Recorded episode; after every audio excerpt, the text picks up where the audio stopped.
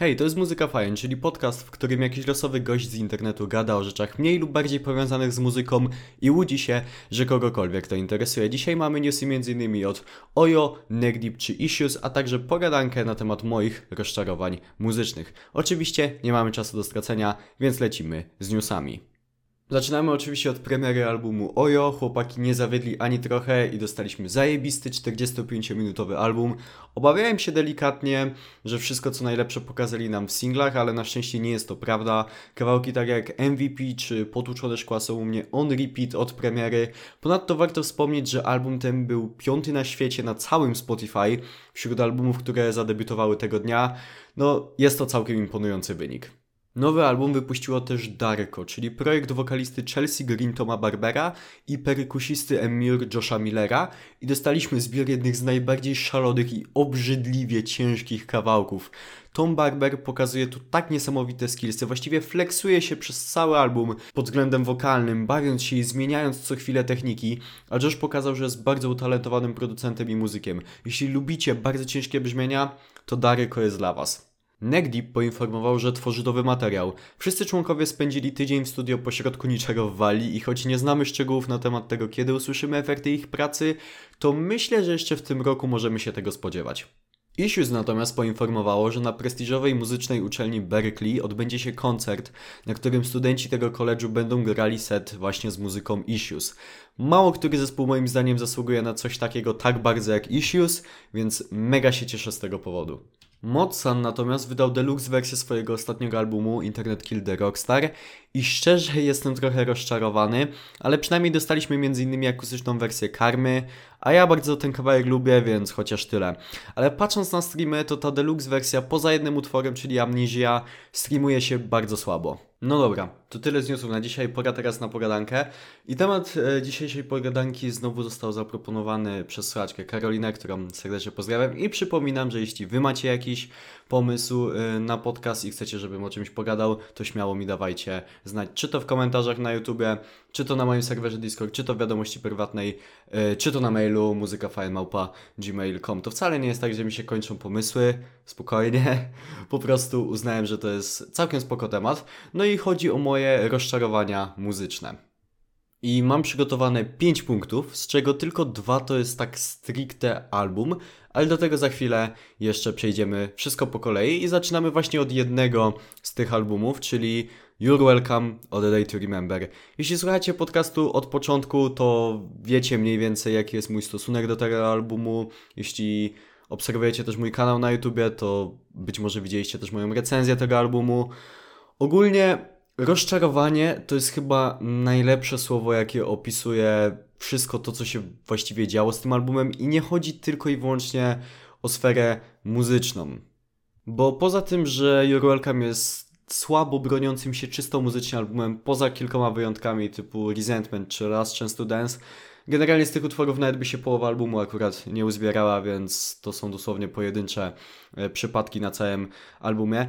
No to to nie jest jedyny problem tego albumu, bo on ukazał się na rynku półtora roku po planowanej pierwszej e, premierze. To po pierwsze, a poza tym w czasie tego półtora roku zespół między innymi pozostawał kompletnie e, głuchy i kompletnie mm, nie ustosunkował się jakkolwiek do oskarżeń o molestowanie wobec swojego basisty Josha Woodwarda.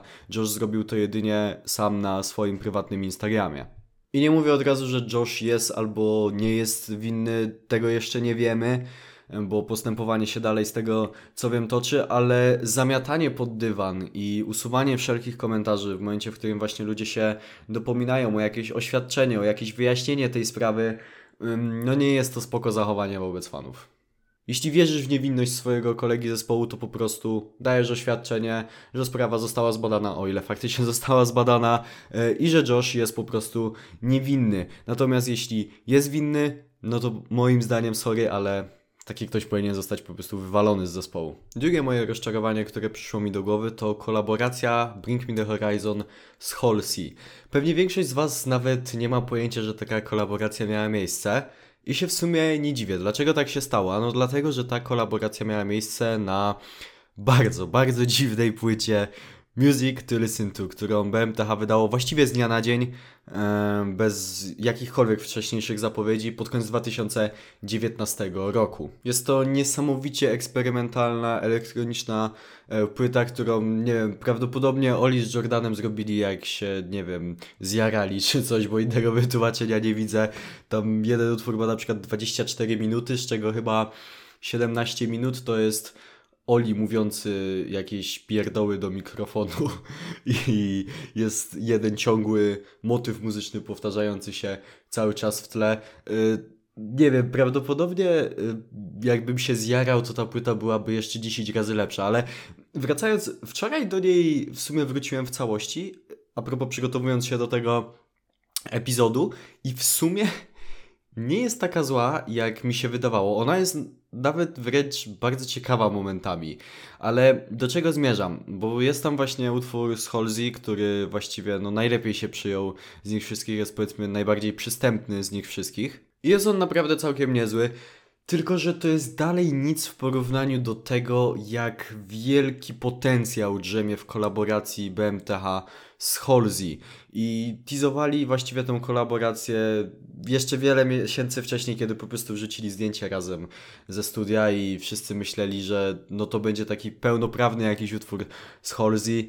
No, skończyło się na tym i jakby lubię nawet ten kawałek, ale to jest Halsey tam nawet nie ma za dużo tak na dobrą sprawę. Ona ma dosłownie kilka wersów i to w dodatku mm, śpiewa tam w takim rytmie jak y, Olive in the Dark. Podobno nie jest to jedyny utwór, jaki zrobili razem BMTH z Halsey i bardzo mocno chcę w to wierzyć.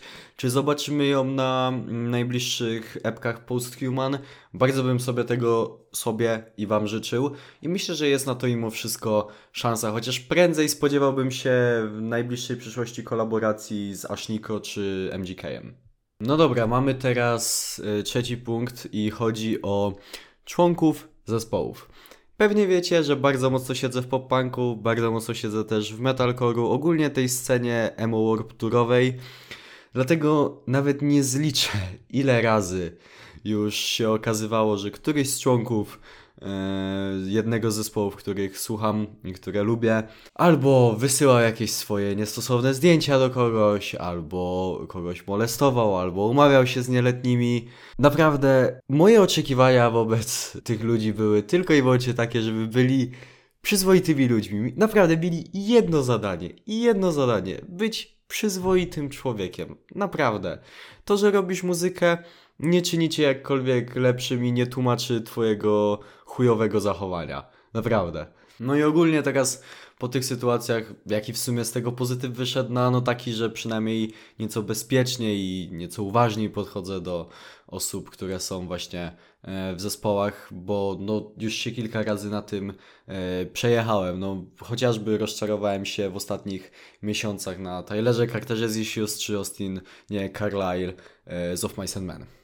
Czwartym moim rozczarowaniem i drugim takim czysto albumowym e, są najnowsze dwie płyty Taco Hemingwaya. Chodzi o Jarmark i Europę. I jeśli widzieliście moją recenzję tychże albumów, to wiecie, że nie zjechałem ich całkowicie. No i faktycznie tutaj też nie zamierzam tego zrobić, bo uważam, że mają swoje, e, swoje mocne strony, kilka świetnych kawałków, na przykład uwielbiam Mortalion z Europy i tak dalej, i tak dalej.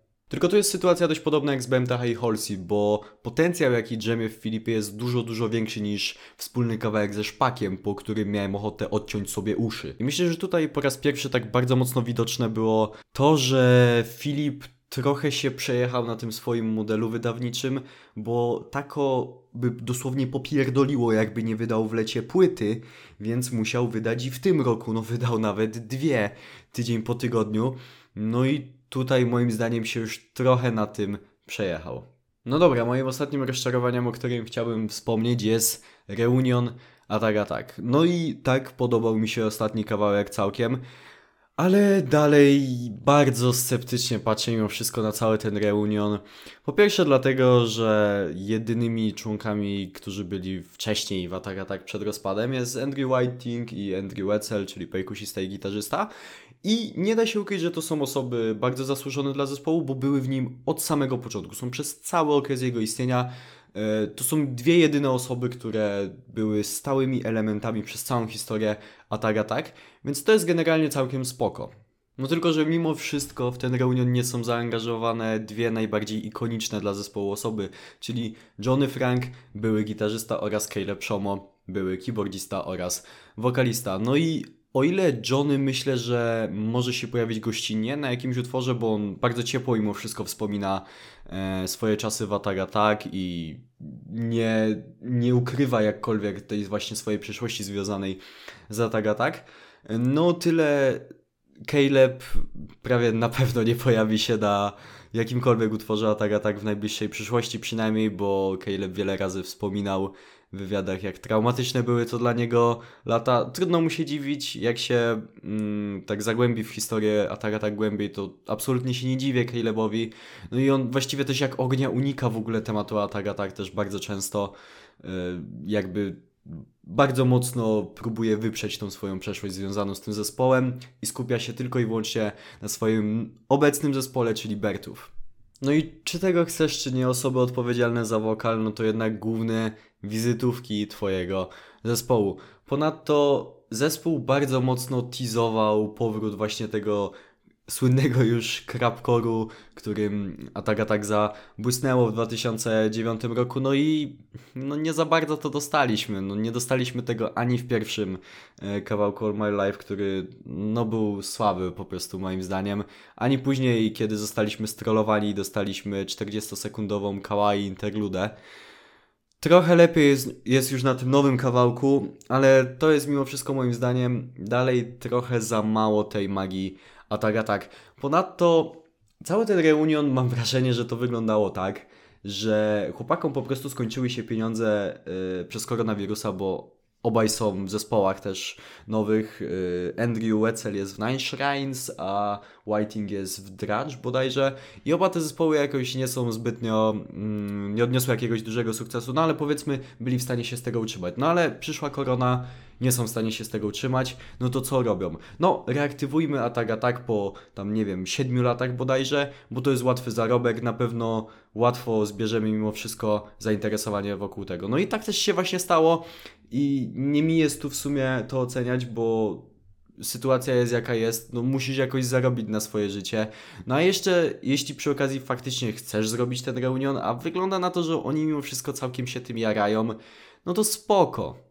Ale to jak ten reunion był zapowiadany na samym początku i to jak później z dnia na dzień dowiadywaliśmy się, że po pierwsze nie będzie Johnego, nie będzie Caleba i później wyszedł ten nowy utwór, no to cała ta magia jakoś ze mnie uleciała, a nie będę ukrywał jak pierwszy raz się dowiedzieliśmy, że dostaniemy reunion Attack Attack i jeszcze kompletnie nie znaliśmy za bardzo szczegółów, wiedzieliśmy tylko, że faktycznie będzie ten reunion Attack Attack no to byłem bardzo mocno podjarany, nie będę ukrywał. No a właściwie później to tak zaczęło ulatywać. No i trochę wiadomo, ostatnio e, lepiej było z tym nowym kawałkiem. Jest naprawdę całkiem sympatyczny i faktycznie jest tam dużo ducha, tak a tak. E, no ale to i tak jest trochę za mało na ten moment. Zobaczymy. Jeśli będą w stanie utrzymać tą tendencję, no to prawdopodobnie się przekonam, ale na ten moment no jestem mimo wszystko rozczarowany tym, jak wygląda ten reunion. I to by było na tyle, jeśli chodzi o dzisiejszy epizod Muzyka Fame Podcast. Dzięki wielkie za wysłuchanie go i na koniec mam standardowo kilka ogłoszeń parafialnych. Po pierwsze zapraszam na mój główny kanał na YouTubie, nazywa się Eidetyczna Zupa, gdzie robię rzeczy dość podobne jak na podcaście, ale w nieco bardziej skondensowanej wersji, czyli recenzje, wideo, eseje, tego typu rzeczy i inne tam też rzeczy się też ostatnio pojawiają, więc jeśli podoba Wam się podcast, to być może spodoba Wam się też mój kanał. E, zapraszam też na Discorda, gdzie sobie można pogadać ze mną, z innymi słuchaczami i będziecie na bieżąco z całą moją działalnością w internecie. Zapraszam też na streamy na Twitchu, bo ostatnio sobie okazjonalnie streamuję, można sobie pogadać ze mną o muzyce, o grach, o czym tylko chcecie, będzie mi bardzo miło, jeśli tam wpadniecie. E, no i wszystkie linki do właśnie tych wszystkich rzeczy, które e, wymieniłem, znajdują się w opisie. I to tyle, ja już nie przedłużam więcej. Dzięki raz jeszcze wielkie za wysłuchanie i do usłyszenia w następnym epizodzie. Hej!